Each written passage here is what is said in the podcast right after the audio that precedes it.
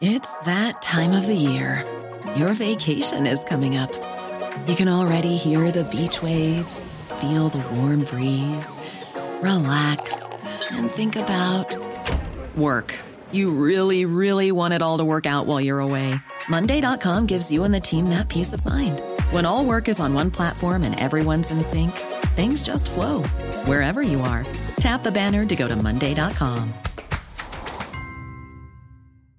Even on a budget, quality is non-negotiable. That's why Quince is the place to score high-end essentials at 50 to 80% less than similar brands. Get your hands on buttery soft cashmere sweaters from just 60 bucks, Italian leather jackets, and so much more. And the best part about Quince, they exclusively partner with factories committed to safe, ethical, and responsible manufacturing. Elevate your style without the elevated price tag with Quince. Go to quince.com slash upgrade for free shipping and 365-day returns.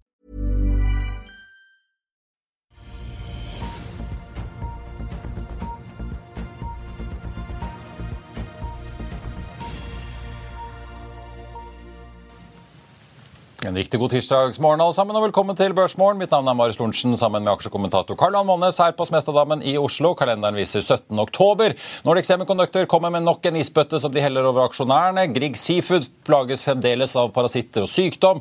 Og så vil altså Norconsult på børs, konsernsjef Egil Hogna, er vår gjest her i eh, Børsmorgen. På kalenderen i dag så kommer det kvartalsrapporter fra bl.a. Bank of America, som jo Robert Ness mener har mange skjulte tap i obligasjoner på kammerset. Goldman Sachs kommer med tall. Lockheed Martin Martin, Johnson Johnson, United Airlines. Og her hjemme så er altså Nordic Semi ute med sine tall. På makrofronten så får vi nyboligsalgstallene for tredje kvartal av september klokken 10. Vi får amerikanske detaljhandelstall 14.30, og eh, selvfølgelig også oljelagertallene da litt senere i eh, dag. Hvis vi titter litt på nøkkeltallene i eh, markedet, så endte hovedindeksen opp nesten 0,1 i går, og i dag venter at DNB at vi vil starte opp rundt det samme. Nordnett venter en svak nedgang fra start. Vi ser at de asiatiske børsene har begynt å tikke oppover igjen. og Wall Street hentet seg også inn etter fallet på fredag. Vi så at alle de tre store indeksene endte opp rundt eh, prosenten. Charles Schwab, finanskonsernet, steg nesten 5 etter å ha overrasket eh, med sine tall, som var over de estimatene som lå inne i forkant. og vi så også at den amerikanske tiåringen steg opp til 4,71 i går. Oljeprisen har kommet litt ned. Vi ligger nå på 89,80 i spotmarkedet for nordsjøoljen. Amerikanske lettoljen ligger midt på 86-tallet.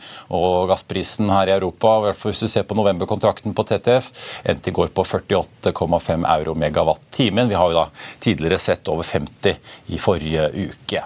Grieg Seafood, som jeg nevnte, er ute med en kvartalsoppdatering. Plages av sykdom, noe som går utover slaktevolumene. De hadde et volum volum på 12 200 tonn i tredje kvartal. I sommer guidet de et volum på 10 500. Slaktekosten er helt oppe i 83 kroner og 80 øre kiloen i Finnmark under tidlig slakt, da mot 65,80 i Rogaland. og Den fulle rapporten den kommer 14.11.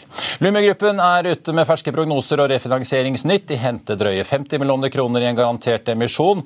og Du må også sitte på aksjen per 31. oktober for å ha rett til å delta i emisjonen, som altså prises til 9,75 kroner aksjen. Den falt jo da for øvrig 5% i går, ned til 14,20, så vi kan jo regne med at vi vil se den falle litt mer i dag. Pengene skal gå til å betale et avdrag på et lån fra Norea på 300 millioner, og nye lånevilkår har selskapet også fått. De varsler for øvrig nye kostnadstiltak, som de jo har snakket om før også, og lover mer informasjon i kvartalsrapporten 8.11. Da skal vi snakke Nordic Semiconductor, for det har jo kommet mange dårlige nyheter fra den fronten i år. Aksjen er ned nesten 30% så langt i år. Og så sent som den 18.9 så kom det et nytt resultatvarsel.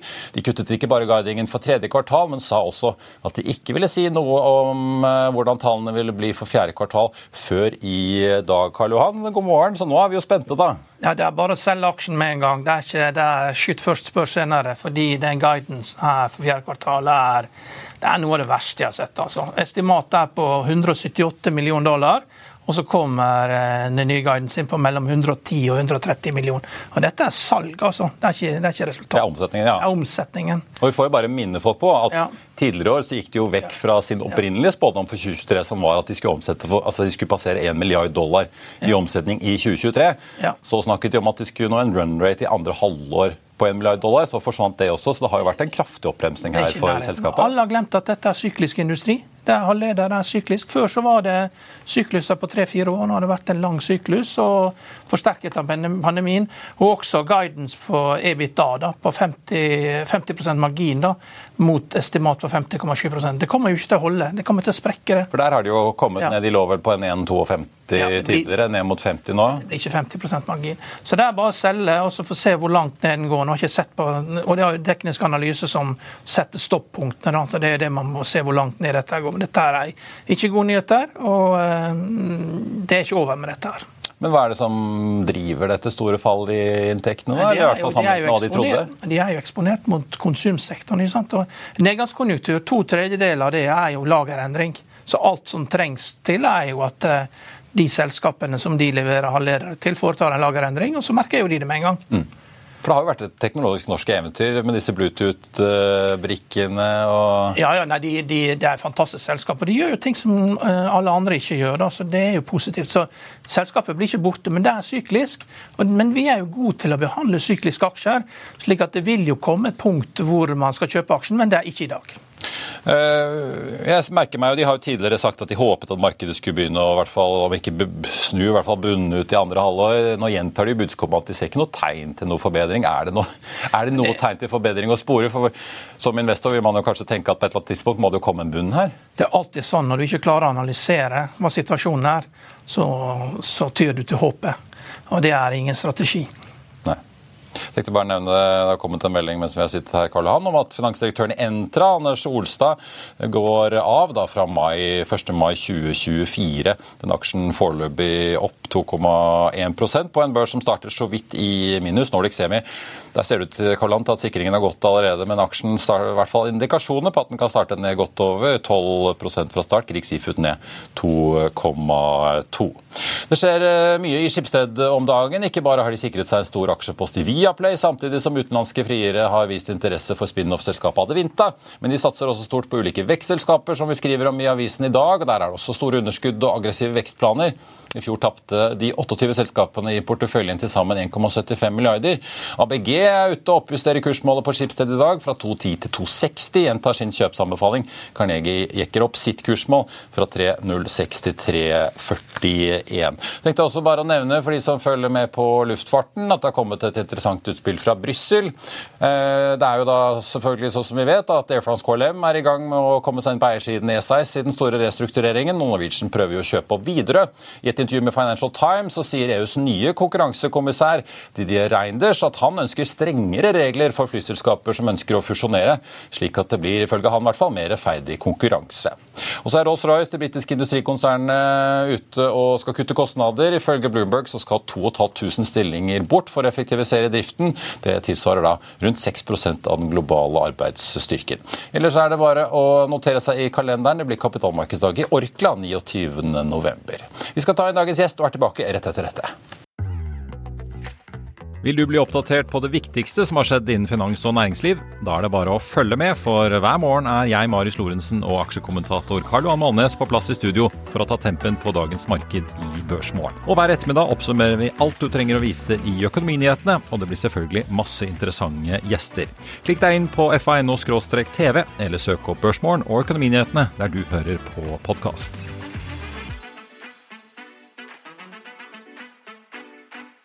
Velkommen tilbake. Hovedindeksen som jeg nevnte, fortsatt svakt ned fra start i dag, med Grieg ned et par prosent etter sin oppdatering på kvartalet. Lumi har vi fortsatt ikke fått noen omsetning i, og så er det da Nordic Semiconductor, hvor det ser ut til at man fortsatt sliter med å krysse kjøpere og selgere, men det kan se ut som aksjen starter ned eh, over 12% fra start.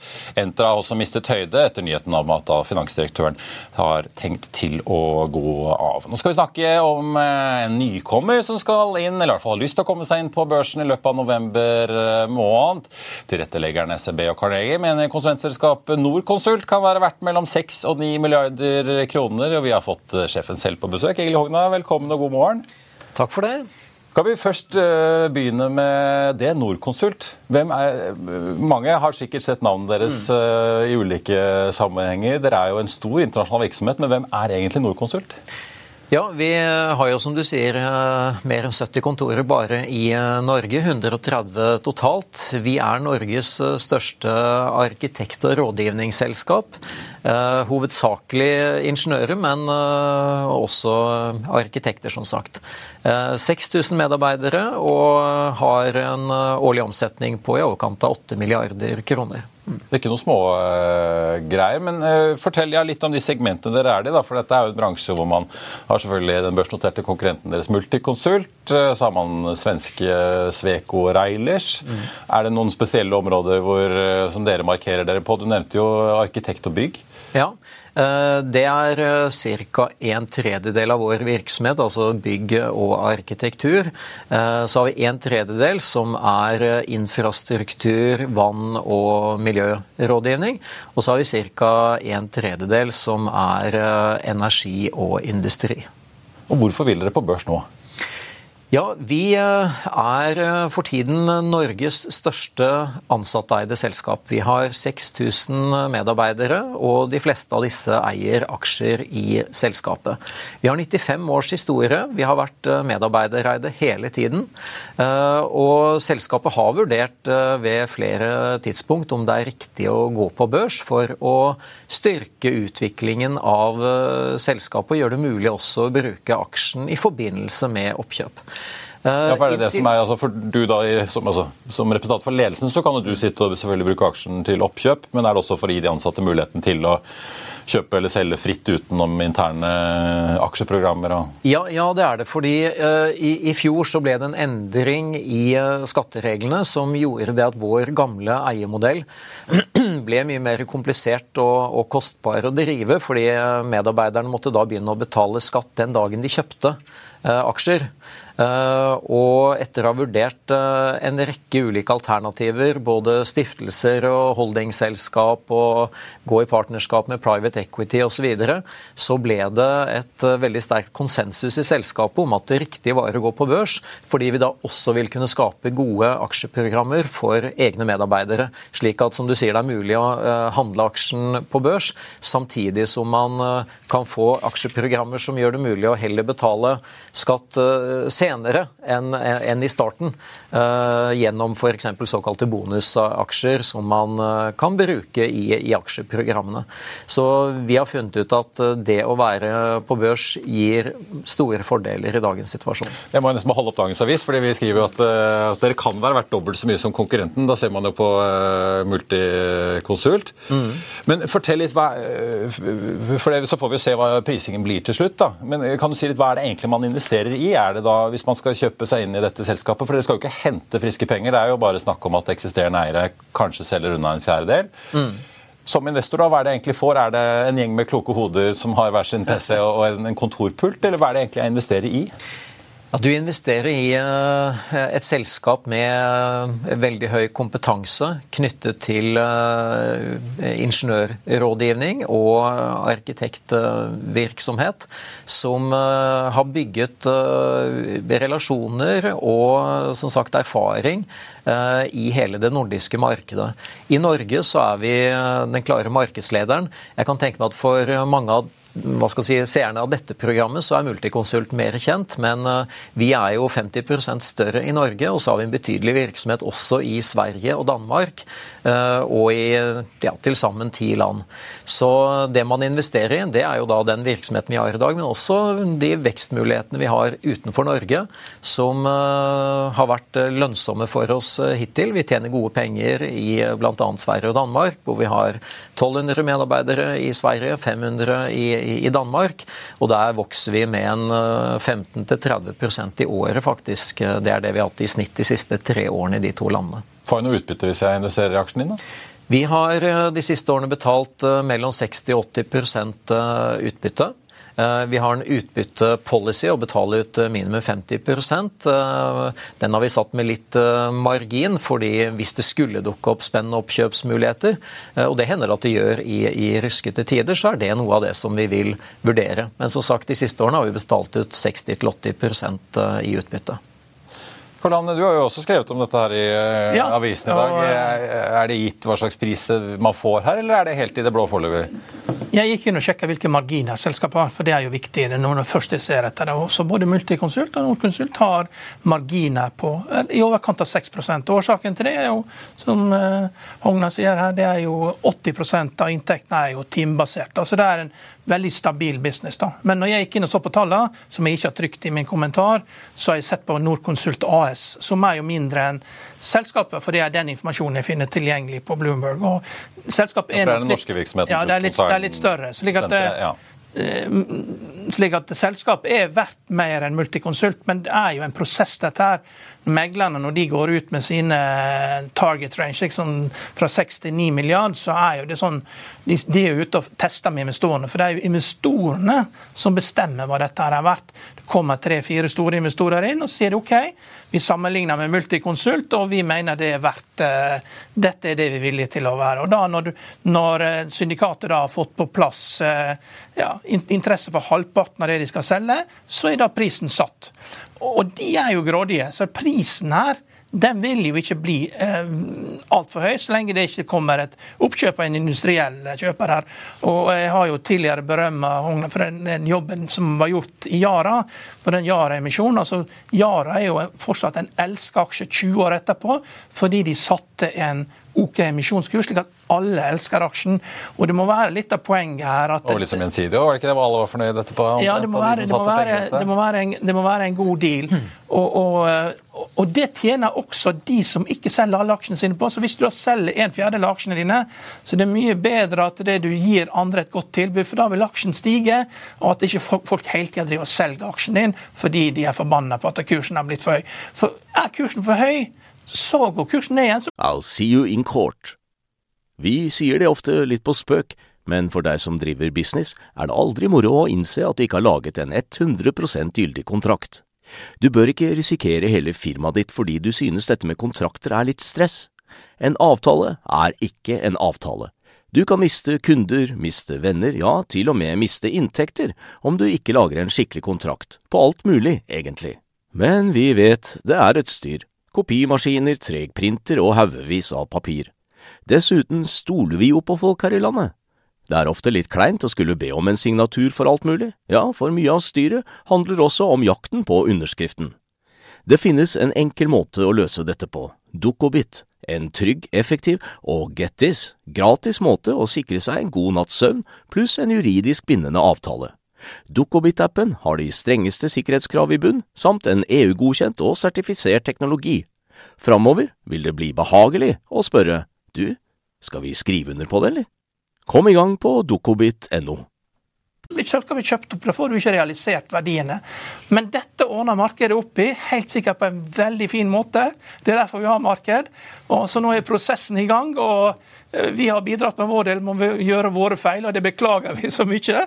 Men eh, jeg håper det at det i det hele så vet jeg at, at, du klarer å lande dette her. fordi eh, det er kvalitetsfolk overalt, så du må liksom bare finne ut hvor kjøperen og selgeren er, og lande denne emisjonen. Ja, for det virker som du må være litt eh, du må være litt toppdiplomat når du skal lande her òg. det er litt kryssende interesser. Det er noen som vil selge, noen vil kjøpe.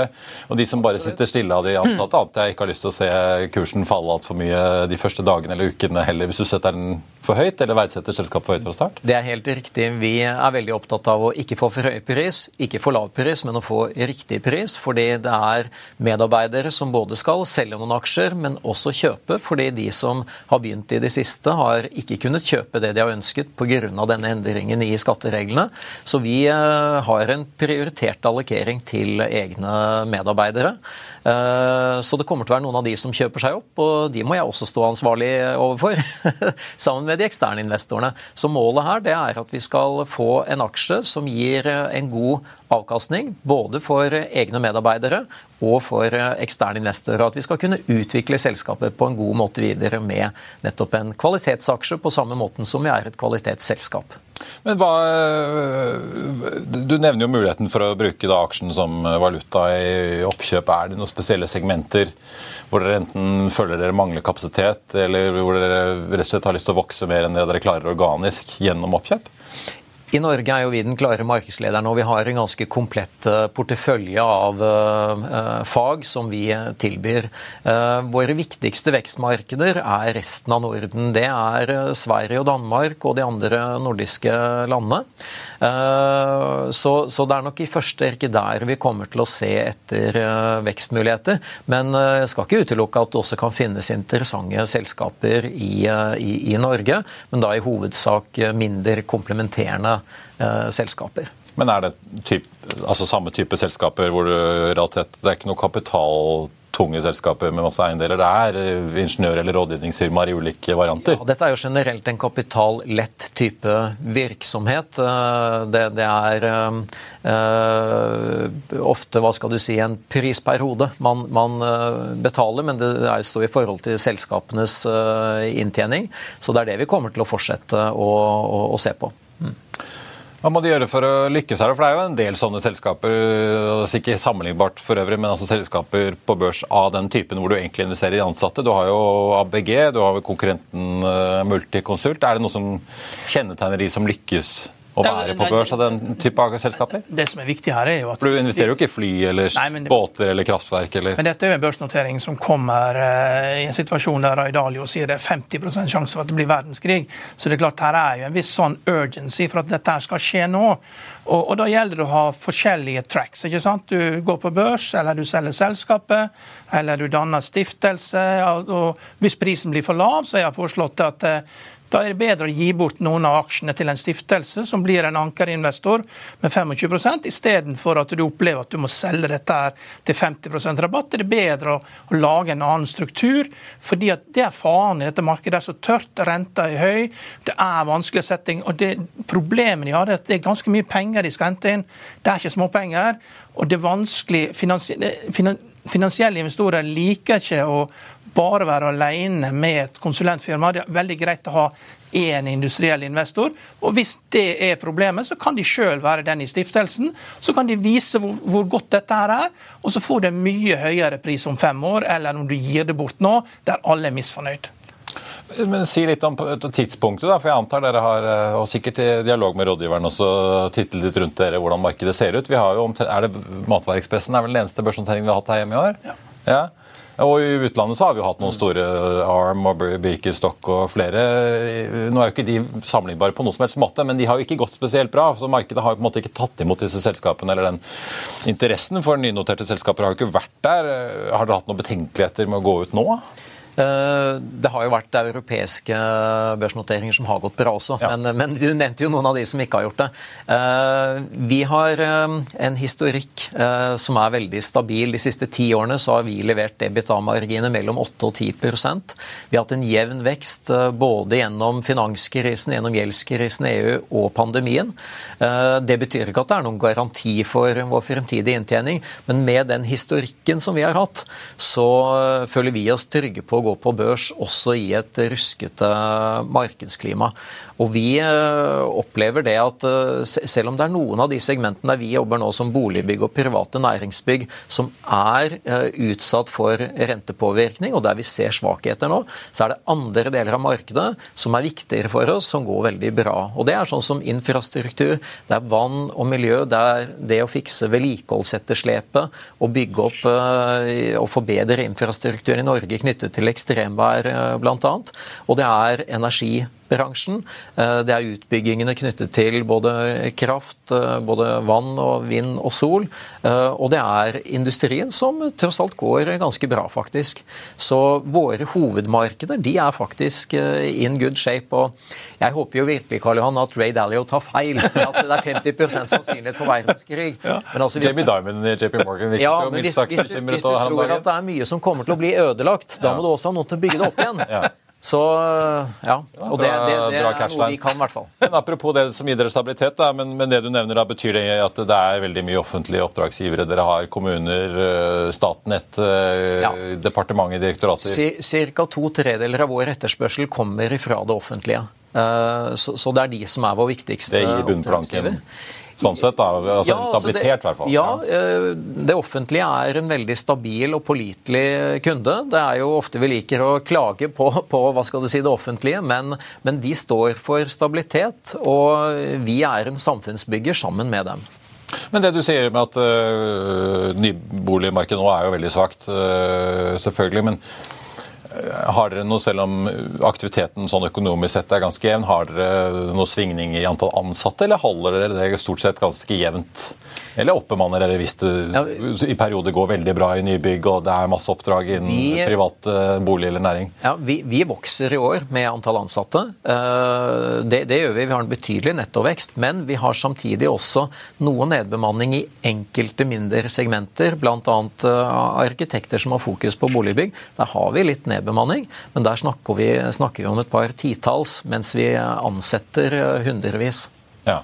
Så eh, det er selvfølgelig tragisk for de det gjelder, men det å ha en kontinuerlig tilpasning av arbeidsstyrken til eh, det som er behovet, det, det er noe som faktisk byggebransjen, og også da rådgivningsbransjen som vi er en del av, er, er flinke til.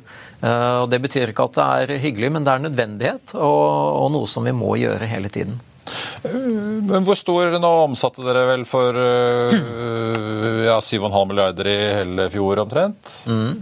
Men eh, den veksten du snakker om da, med ekstremvær, og sånn ser dere at det, her ligger kommuner og, og, bedrifter og offentlige direktorater penger på bordet på en måte i dag? Er det, en, er det en vekst man kan se i tallene allerede, eller er det noe som veldig mange snakker om, som man på en måte vet kommer, men det er lite håndfast?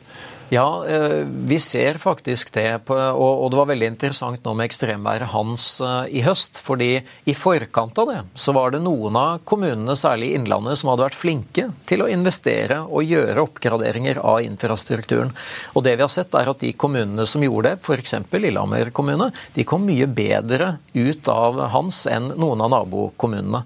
Så det, det vi ser nå, er det at de som eh, hva skal si, har gjort seg noen vonde erfaringer, de skjønner nå at eh, midlene må omprioriteres, slik at de har en bedre beskyttelse for eh, fremtidige ekstremværtilfeller. Så det du anbefaler, er alle kommuner skal anlegge en innsjø som Mjøsa ved siden av hoved, hoved, hoved senter i byen? Nei, ikke, ikke, akkurat det. Men, men, men dette går f.eks. på det at man må eh, åpne opp en del bekkeløp som man tidligere har tenkt at uh, denne, denne bekken er jo bare et problem, la oss legge den i et lite rør, uh, og så glemmer vi at den finnes. Den type tiltak, det, det, det må gjøres om på. Vi må få vannløpene opp i dagen igjen. Det er både vakrere, det er bra for naturen, og det er klart tryggest for å bevare infrastrukturen vår. Så den type oppgaver vil det bli mer av. Det, og vi ser at de som har vært gjort, har vært eh, i all hovedsak veldig vellykket. Ja. Eh, er det noen store områder dere ikke driver i dag som du vil inn på? Eh, vi ønsker som sagt noe i geografisk ekspansjon. Ja, for Du nevnte jo Norden, men er det liksom det vi, ja. et fagfelt eller et eller annet hvor dere jeg vil si at vi er ganske dekkende når det gjelder fagfelt. Men eh, hvis du ser på vår danske virksomhet f.eks., så har ikke den på langt nær så mange fag og så bred kompetanse som det vi har i Norge. Så, så, så, der ønsker vi å bredde oss ut. Men hvis du ser på det vi har i Norge i dag, så har vi en ganske komplett kompetanse. Så det er nok mer det å fortsette å replikere vår norske forretningsmodell i de andre nordiske landene. Eh, fordi vi har sett det at den modellen fungerer. Den er utviklet gjennom 95 år. Eh, vi har god lønnsomhet i Sverige og Danmark, og vi ønsker å ta den modellen videre. Ikke med enorme steg, men vi er gode til å gjøre såkalte bolt-on acquisitions.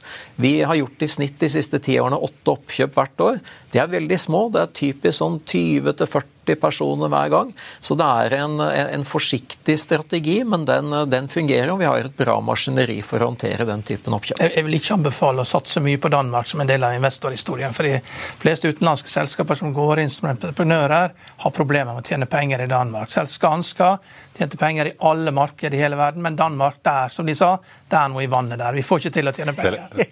Telenor og Telia Telia har kanskje et i Danmark nå, så vi får se. jeg, Jeg ville tone ned. Nei, ikke satse på Danmark. Ja.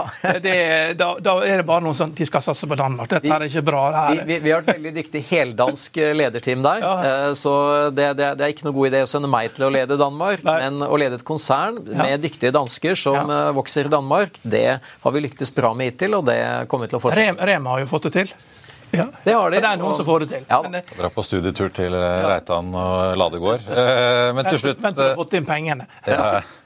Hogna, til slutt, jeg bare lurte på strukturen her, fordi Oslo Børs krever jo vanligvis en fri altså Du må jo ha en spredning i aksjonærbasen. Den inn, Innfrir dere den gjennom egne ansatte fordi det er så mange aksjonærer?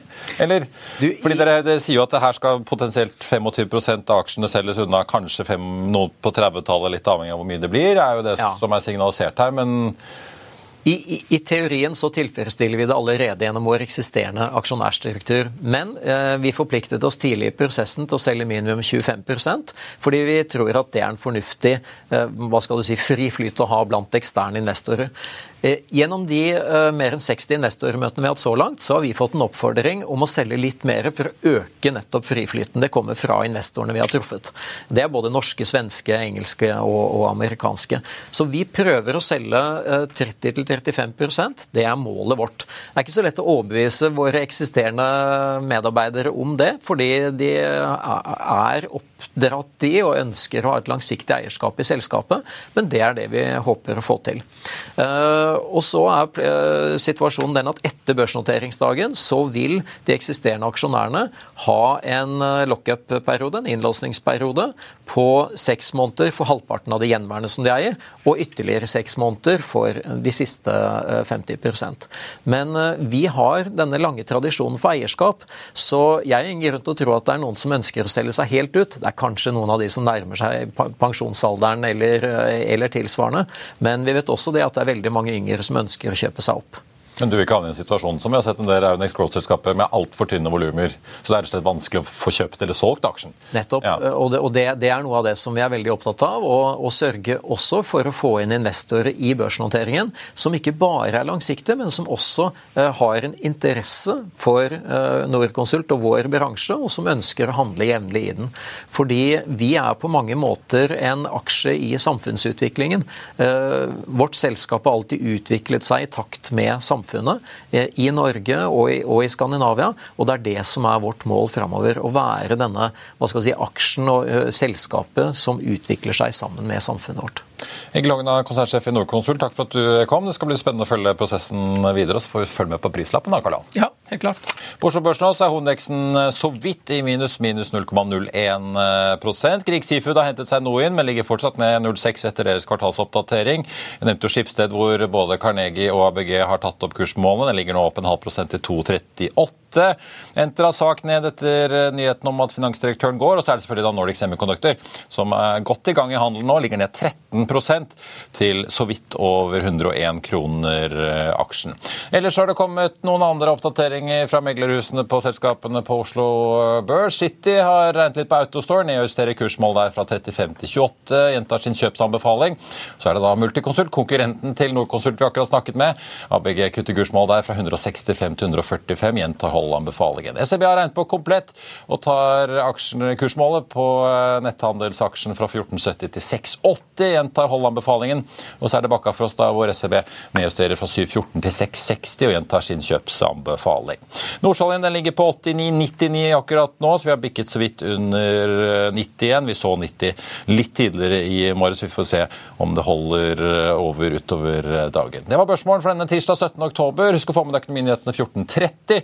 Mellomtiden så får du som alltid siste nytt på FA1 og gjennom hele dagen. Ha en riktig god tirsdag alle sammen. Vi ses.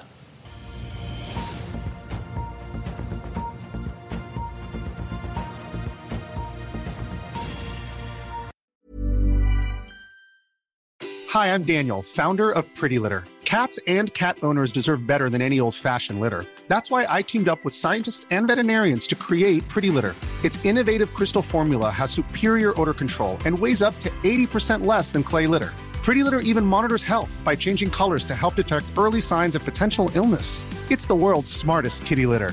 Go to prettylitter.com and use code ACAST for 20% off your first order and a free cat toy. Terms and conditions apply. See site for details. Økonominyhetene er en podkast fra Finansavisen. Programledere er Marius Lorentzen, Stein Ove Haugen og Benedikte Storm Bamvik. Produsenter er Lars Brenden Skram og Bashar Johar. Og ansvarlig redaktør er Trygve Hegnar.